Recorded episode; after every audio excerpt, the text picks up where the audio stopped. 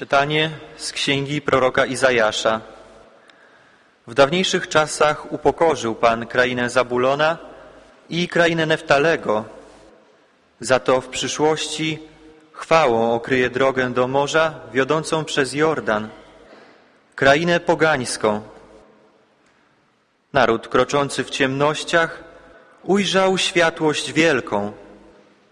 Nad mieszkańcami kraju mroków zabłysło światło. Pomnożyłeś radość, zwiększyłeś wesele. Rozradowali się przed Tobą, jak się radują we żniwa, jak się weselą przy podziale łupu.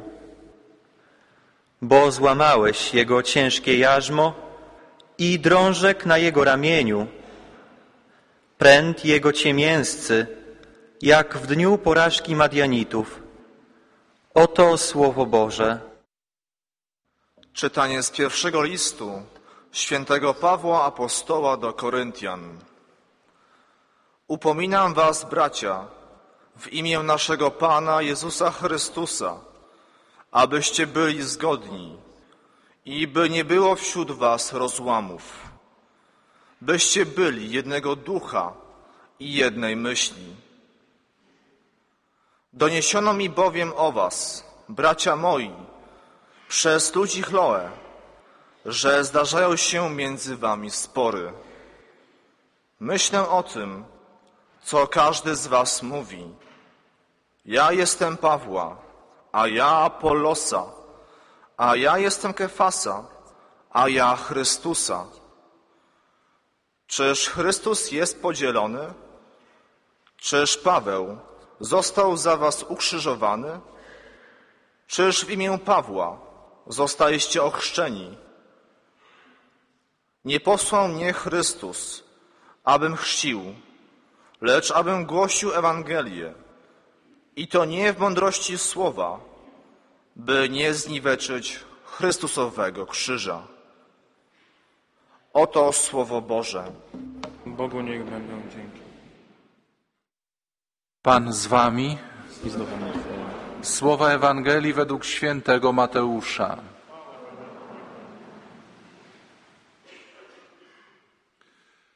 Gdy Jezus posłyszał, że Jan został uwięziony, usunął się do Galilei. Opuścił jednak Nazaret, przyszedł i osiadł w Kafarnaum nad jeziorem na pograniczu Zabulona i Neftalego. Tak miało się spełnić słowo proroka Izajasza.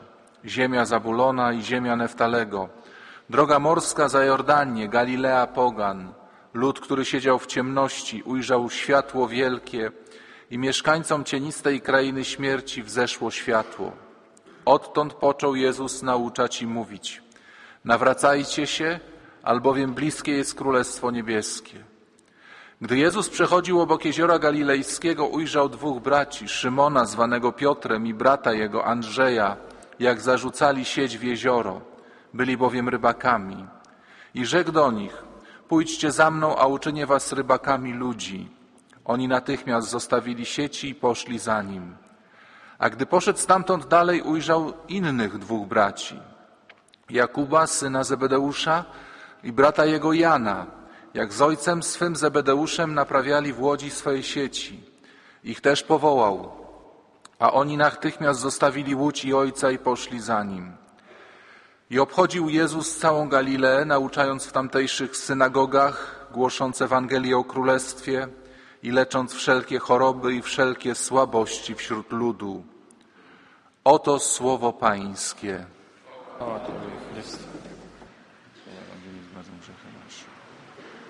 Drodzy bracia i siostry, w minione dwie niedziele w Ewangelii była mowa o Janie Chrzcicielu i dzisiaj także w pierwszym zdaniu tej perykopy jest mowa już tylko tyle, że Jan został uwięziony. Jak Jan został uwięziony, jak Jezus to usłyszał, natychmiast Jezus podejmuje nauczanie. Jakby od razu chciał kontynuować to, co Jan rozpoczął, to preludium Jana, tą jakąś preewangelię.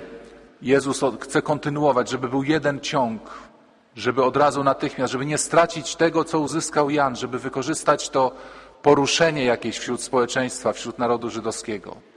To jest y, taka tylko dygresja My nieraz działamy na zasadzie, jak jest dobrze, to odpuszczamy sobie trochę pracę duchową, jak jest gorzej, to się ratujemy. Nieraz ktoś przychodzi do mnie, pytam, czy ja, pan już kiedyś u mnie był? A rok temu, proszę księdza. No to co pan się nie pokazuje przez cały rok? No bo jak byłem u księdza, to było źle, ale jak ksiądz mi trochę pomógł, to się zrobiło dobrze, to pomyślałem, że już tak nie muszę. A jak teraz? Jeszcze gorzej. Proszę Państwa, z życiem duchowym jest jak z podlewaniem kwiatów. Nikt nie powie tak, trochę mi kwiaty więdły, więc zacząłem się nimi opiekować i ładnie mi rozkwitły. Skoro ładnie rozkwitły, to przestałem je podlewać. Miesiąc nie podlewałem, no potem już było za późno. Nie dajmy się nabrać na to, że jeśli się w życiu duchowym, w życiu moralnym, w życiu rodzinnym poprawi, że możemy sobie odpuścić. Życie duchowe nie znosi przerw, tak jak karmienie zwierząt, tak jak karmienie rodziny, tak jak podlewanie kwiatów. To musi być cały czas w regularności, nawet jeśli kwiat świetnie kwitnie i okazale wygląda. Jezus natychmiast, żeby nie było żadnej przerwy, podejmuje misję Jana. W zasadzie to nie podejmuje misję Jana, bo to Jan był zapowiedzią tego, co będzie, czego będzie dokonywał Chrystus, ale Chrystus z tym nie czeka. I rozpoczyna Jezus swoją misję. I tu chcę zwrócić uwagę, bo jesteśmy świadkami początków tej misji. Jezus rozpoczyna misję zbawienia świata. Cała kula ziemska to jest jego teren działalności.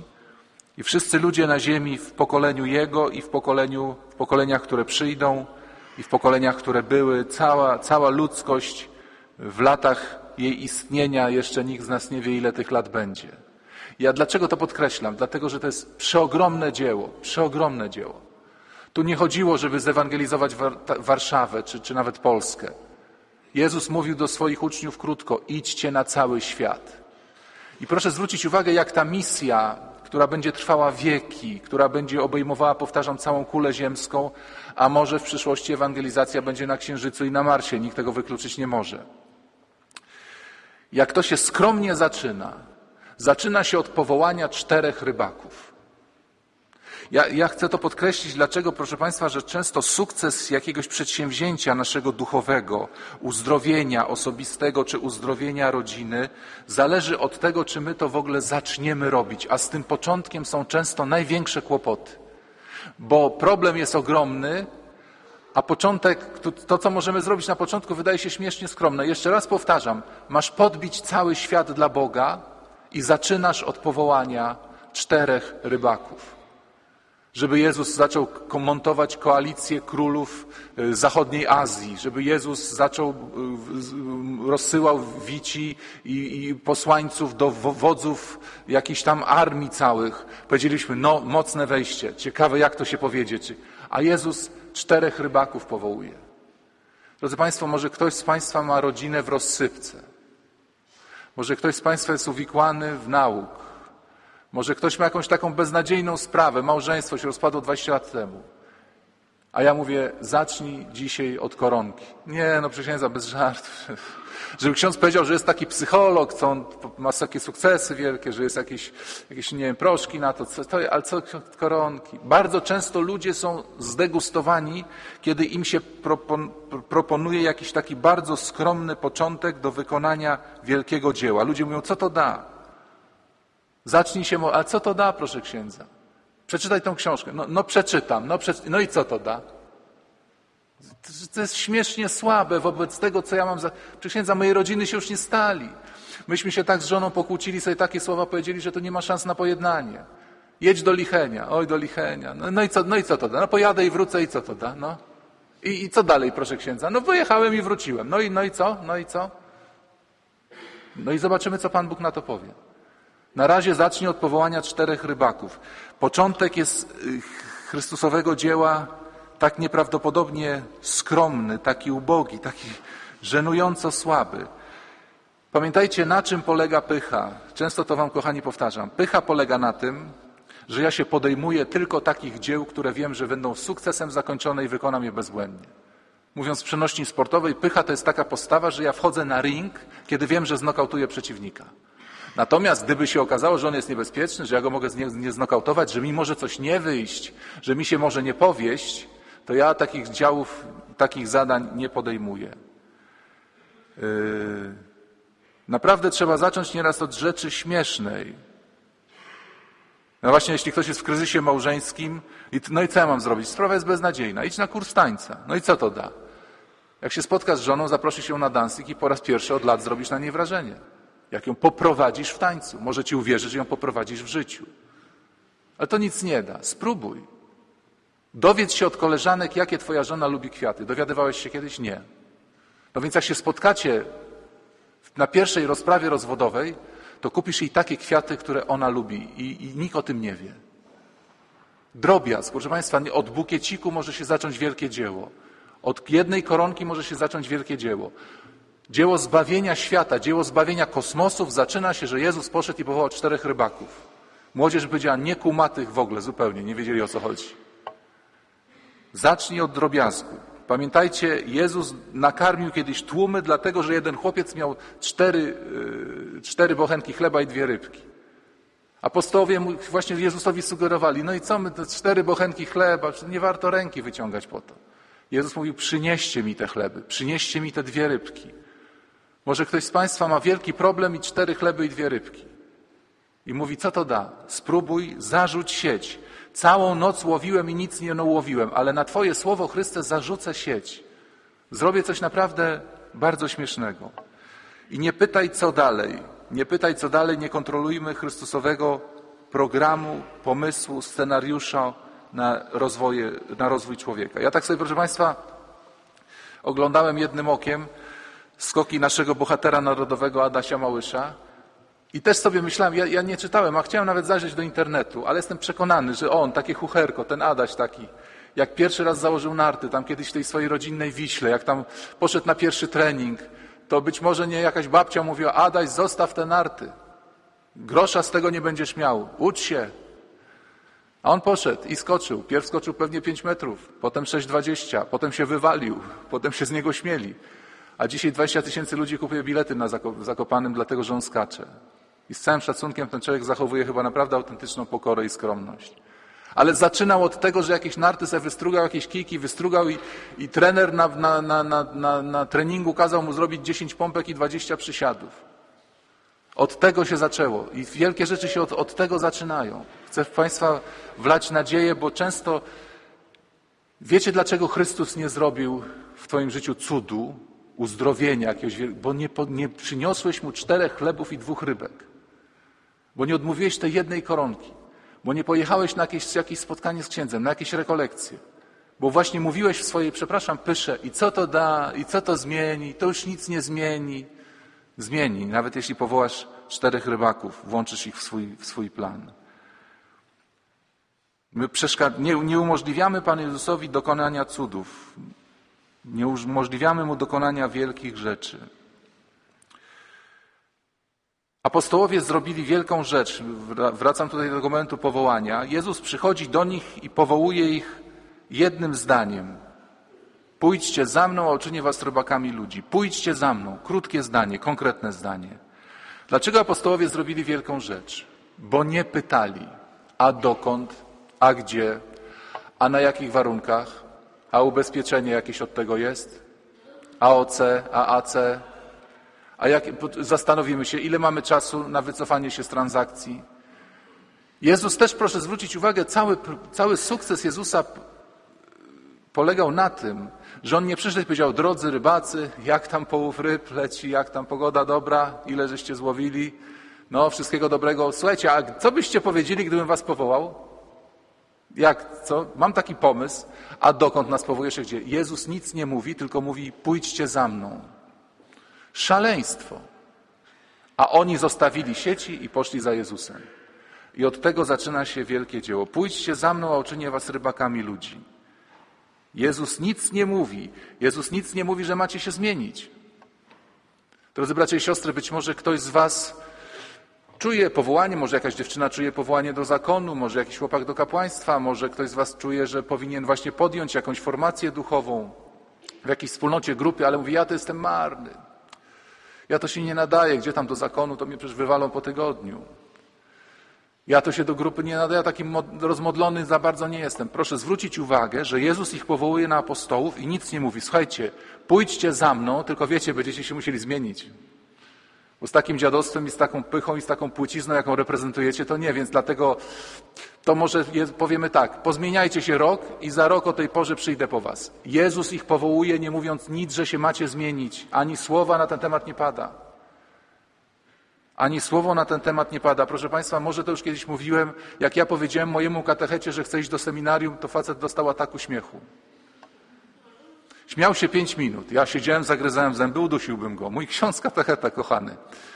Dostał ataku śmiechu. A potem mi bardzo pomógł, powyjaśniał, gdzie to się idzie, co to się pisze, jak to trzeba należy się do tego seminarium przygotować, gdzie się pofatygować. Nie martw się, że jesteś kandydatem, który w swoim mniemaniu się nie nadaje, czy do zakonu, czy do, do wspólnoty, do grupy, do jakiegoś dzieła apostolskiego. Jezus cię powołuje bez wstępnych warunków. Bez wstępnych warunków. No jak męż szedł do seminarium, to dziewczynę trzeba zostawić, to tak. To się zgadza, ale to jest nieprawdopodobne. Oni go słuchają. Oni go słuchają, a nie podejmują żadnej wielkiej dyskusji i analizy. Jeszcze co jest bardzo ważne, żeby znać okoliczności, realia historyczne. Pamiętajcie Państwo, że w tamtych czasach być rybakiem to była fucha. Żydzi się raczej nie, nie trudnili rybołówstwem, oni pasali trzody, jakieś tam rolnictwo dość prymitywne. Piotr, Jakub, Jan, Andrzej to byli naprawdę zamożni ludzie z tego rybołówstwa i jak oni poszli za Jezusem, to oni zostawiali naprawdę dobry biznes. Tak, to jest naprawdę niesamowite. Nie o nic nie pytają, bo nie zaczęli myśleć, analizować, dyskutować, wypytywać. Wiele rzeczy nam nie wychodzi w życiu, bo jesteśmy analizujący, odpowiedzialni i ja sobie tak myślałem, kochamy latarki. Wiecie, do czego służy latarka? Wszyscy wiemy, do poświecenia. Latarka to jest takie urządzenie, które przenosi nas w przyszłość. Jeśli ja idę w lesie i zapalę latarkę, to zobaczę miejsce, gdzie będę za trzy, trzy kroki. W ciemny las nie pójdziemy bez latarki. My sobie wszystko chcemy z przodu rozświetlić. Proszę Państwa, co, jakie są współczesne latarki? Wróżki. Wróżko, wróżko, powiedz przecie, co będzie w przyszłym roku? I wróżka mówi czary, mary, hokus pokus w przyszłym roku, będziesz, zdasz egzamin, będziesz miała zawód w miłości. Poświeciłem sobie na przyszłość. A co jest latarką? Latarką jest, ja tak sobie uświadomiłem, kupuję rano gazetę i czytam, co tam w parlamencie, co tam powiedział premier, co opozycja powiedziała, co tam w Europie. Ja sobie oświecam świat przez tą gazetę. Ludzie mają latarki, telewizor. Włączysz telewizor i ci cały świat oświeca. Zobacz, w Chinach jest to, a na, na południu to, a w Zakopanym było tak, a nad morzem jest tak. My wszyscy chcemy mieć latarkę. A Pan Bóg mówi, zgaś tą latarkę i chodź za mną. Po co są te analizy? Rozświetlanie, rozświetlanie rzeczywistości. Rozświetlanie. Chcemy zgłębić ją jak najgłębiej, chcemy ją rozszyfrować jak najbardziej, żeby iść w bezpieczne, żeby iść w przewidywalne, żeby mieć jakąś gwarancję powodzenia. Pamiętam jakieś, kiedyś, przepraszam, taka techniczna uwaga, zrobiło na mnie kiedyś wrażenie, gdy w jakimś sklepie takim technicznym zobaczyłem wiertła do wiertarek, ale tej długości. Moi wujkowie, mój tata miał wiertarkę, ale mieli takie wiertła. Do przewiercenia jakiegoś tam deski.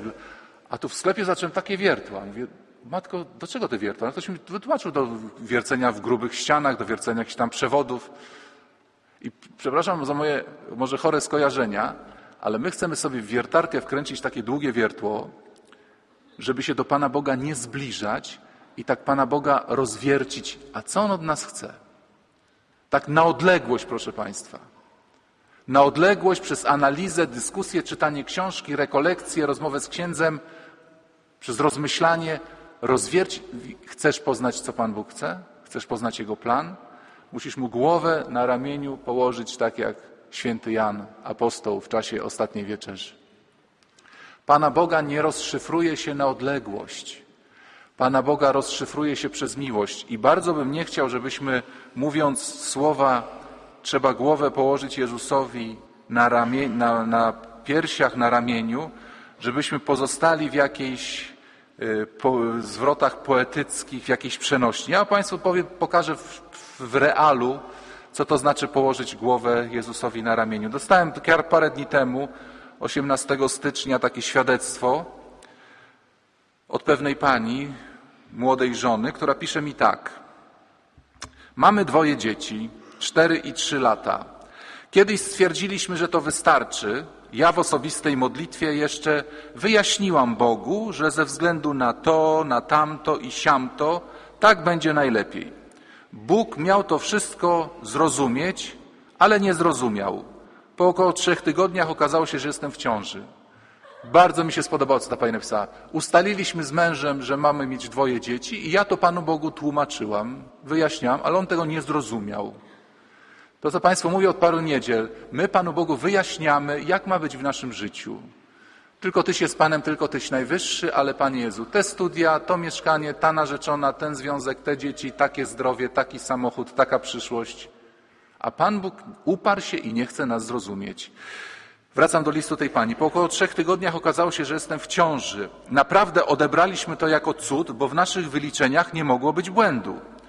Trochę się przejęliśmy, bo świat zaraz podsuwa myśl o finansach, zobowiązaniach w pracy, wakacjach, na które znów nie pojedziemy.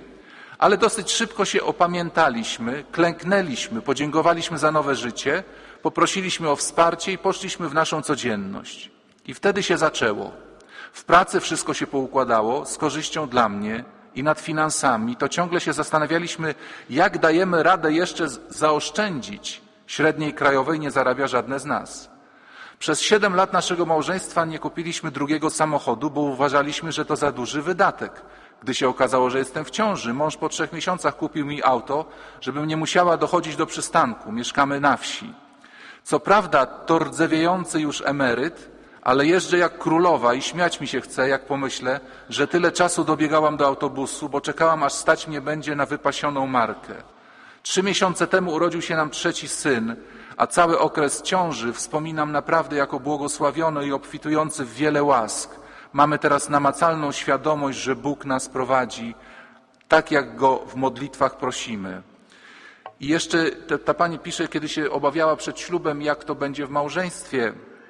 Szukali jakiejś pomocy, szukali w Piśmie Świętym i znaleźliśmy. Psalm 128 był też śpiewany na naszym ślubie. Chwytaliśmy się go jak pochodni, gdy nie miałam perspektyw na pracę, gdy mąż zmieniał pracę, gdy myśleliśmy o dzieciach, a nie mogłam począć, gdy poroniłam, gdy waliły się relacje z moją mamą. Bóg niezmiennie nam pokazywał, że Jego słowo jest skuteczne. Na naszych obrączkach wygrawerowaliśmy słowa z Księgi Powtórzonego Prawa, żeby pamiętać, kogo mamy się w życiu trzymać. Drogie panie, ta pani podaje ciekawy sposób, jak zmusić męża, żeby kupił samochód. Trzeba zajść w ciążę i wtedy rupieć, emeryt, ale jeździ. A tak poważniej, tak się poznaje Pana Boga. Tak się poznaje Pana Boga. Mogli dziecko usunąć i siedzieć, analizować, jeździć na rekolekcje, podjąć terapię psychologiczną, jak wyjść z tej traumy. Wiem, że to nie jest proste, ale uczmy się. Dzisiaj w pierwszym, w drugim czytaniu święty Paweł pisze: Zaklinam was, zaklinam was, upominam was, miłujcie się, nie analizujcie. Jeśli nie jesteś w jedności z bratem, jeśli nie jesteś w jedności z żoną, jeśli nie jesteś w jedności z matką, możesz zrobić habilitację z teologii, nic z tego nie zrozumiesz. Miłujcie się, napomina. Nie mówcie, jestem Apollosa, jestem Kefasa, jestem i Chrystusa. Wszyscy mamy być jedno. Proszę Państwa, proszę pamiętać, miłość to nie są uczucia. Można powiedzieć, nie cierpię Cię, chętnie bym Cię rozszarpał, ale Cię kocham. A moją formą miłości jest to, że właśnie Cię nie pobiję dzisiaj. To dla niektórych jest naprawdę ogromna miłość, proszę mi wierzyć. Staram się Cię zrozumieć, rozmyślam nad Tobą, modlę się za Ciebie. Jeszcze Cię nie lubię bardzo, to Ci w szczerości mówię. Uważaj na moje emocje niezrównoważone. Jedna pani mówiła do męża, zabiję cię, ale to w afekcie i mi uniewinnią.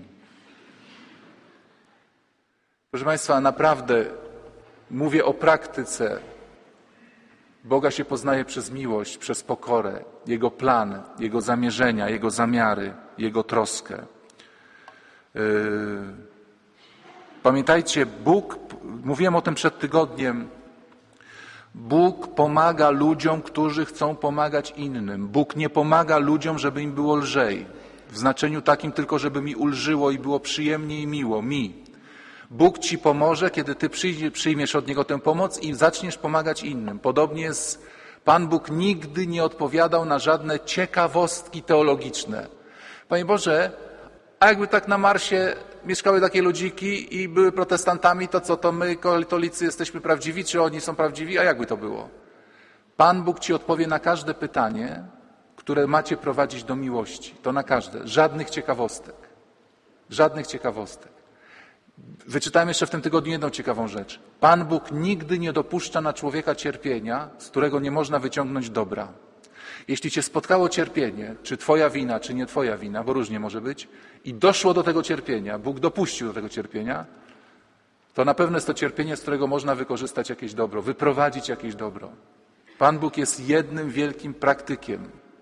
Jednym wielkim praktykiem. Drodzy bracia i siostry, gdybym mówił językami ludzi i aniołów, a miłości był nie miał, byłbym niczym. Gdybym był analitykiem, teologiem, Bóg wie kim, gdybym to wszystko chciał rozgryźć, rozszyfrować.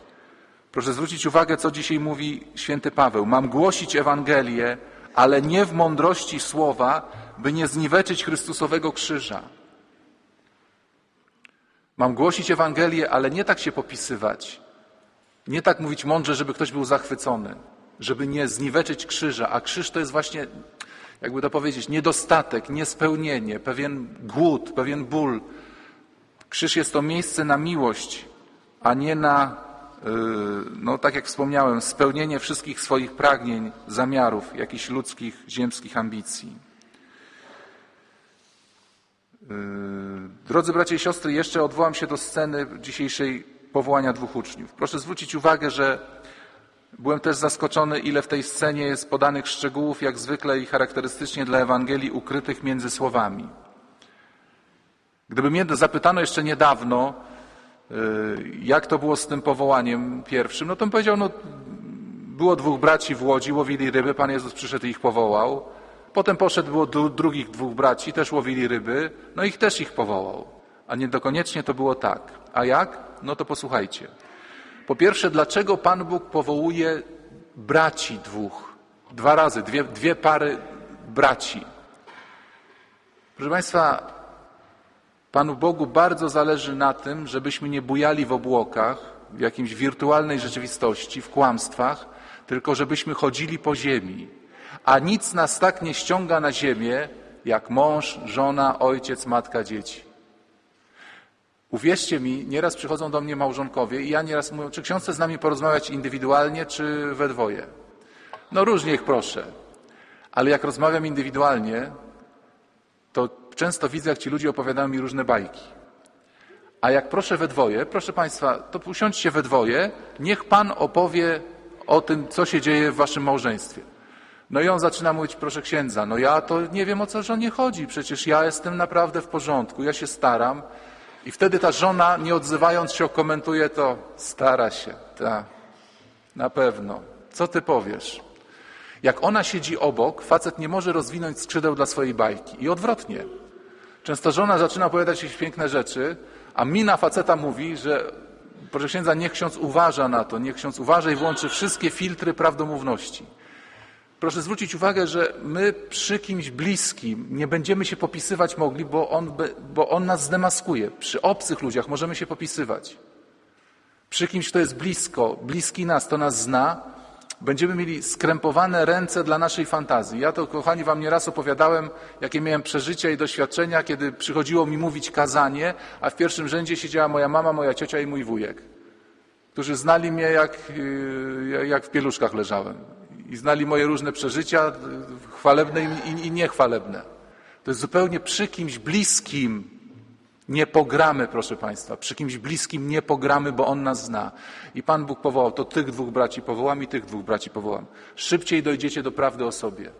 I będziecie zabezpieczeni przed właśnie jakimś fantazjowaniem. To jest pierwsza zasada. Po drugie, My często, jeśli chodzi o rodzeństwa, brat, siostra, dwóch braci, dwie siostry, są konflikty, są napięcia, ale kiedy siostra pójdzie do szpitala, kiedy brat miał wypadek samochodowy, to okazuje się, że ta siostra, co się z nim kłóciła całymi miesiącami, jednak płacze po kątach.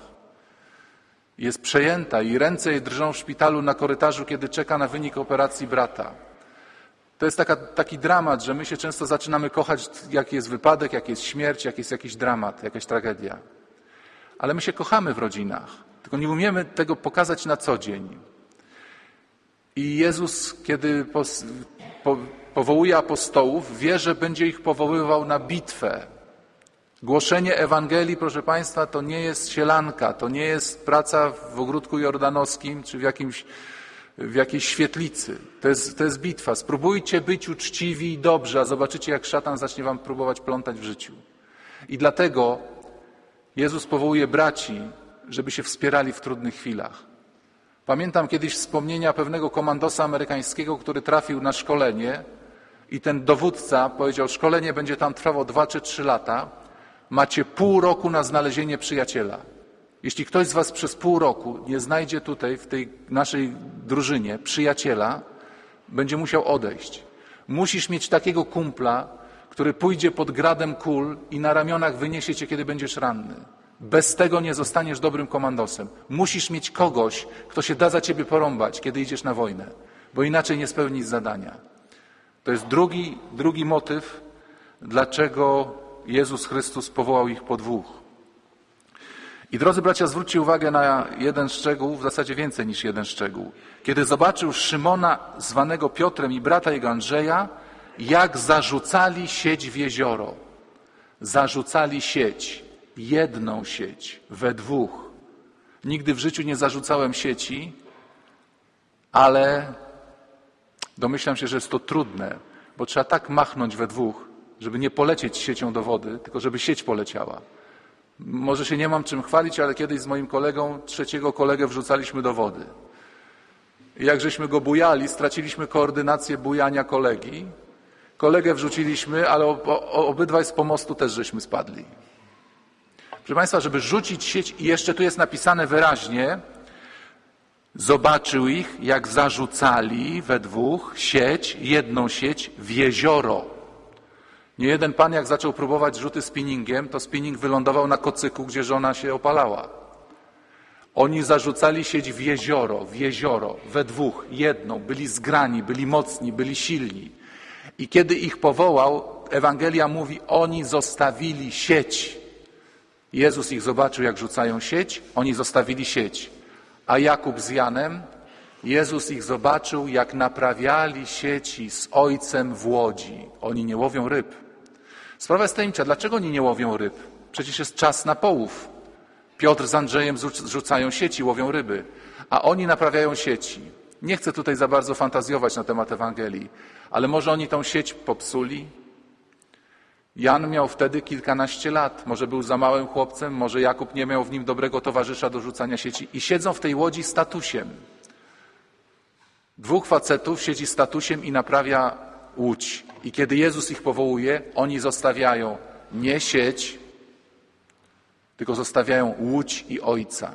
Proszę zwrócić uwagę, Państwo, przeczytajcie sobie ten fragment Ewangelii, jaka jest kolosalna różnica w powołaniu Piotra i Andrzeja, a kolosalna różnica w powołaniu Piotra i Jana. Może ktoś z Was jest kobietą, mężczyzną, która zarzuca sieć z przyjaciółmi, z bratem, ze wspólnikami. Wszystko idzie, praca zawodowa, studia, kariera. Jesteś mocny, silny, precyzyjny, odpowiedzialny. Bóg Cię powołuje i ma dla Ciebie pracę. A może całe życie naprawiasz z rodzicami sieci. Widzisz, córeczko, nikt Cię nie chce. Miałeś tego chłopaka i po coś go zostawiła. Mówiłem Ci, że był dobry dla Ciebie. Oj, mamo, daj spokój. Nie daj spokój, nie daj spokój, tylko wzięłabyś się za robotę.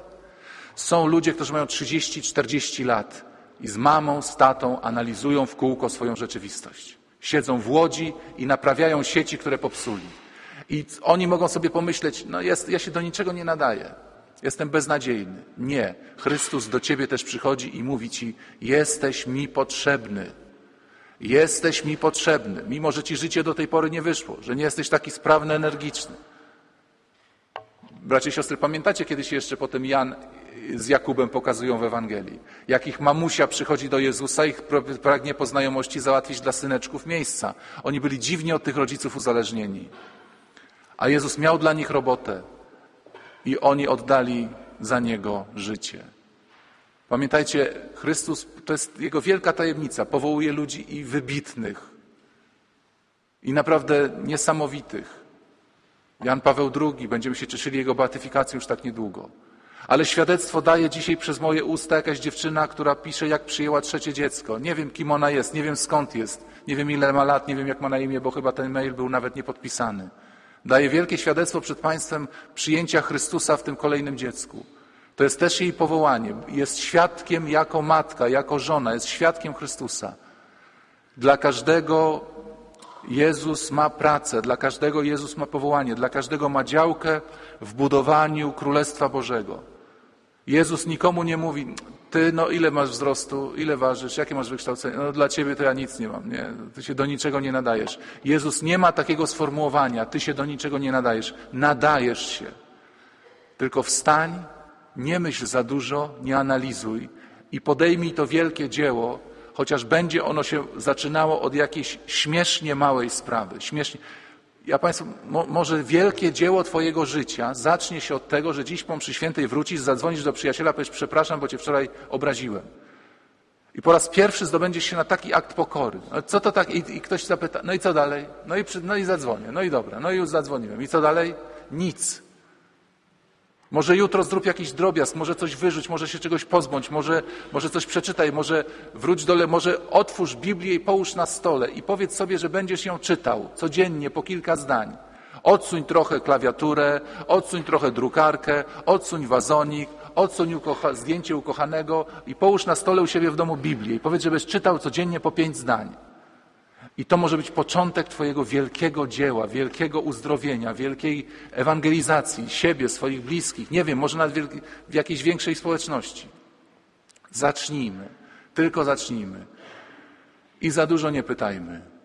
Jezus powiedział: Pójdźcie za mną, a oni natychmiast zostawili sieć w pierwszym przypadku, łódź i ojca w drugim przypadku i poszli za nim.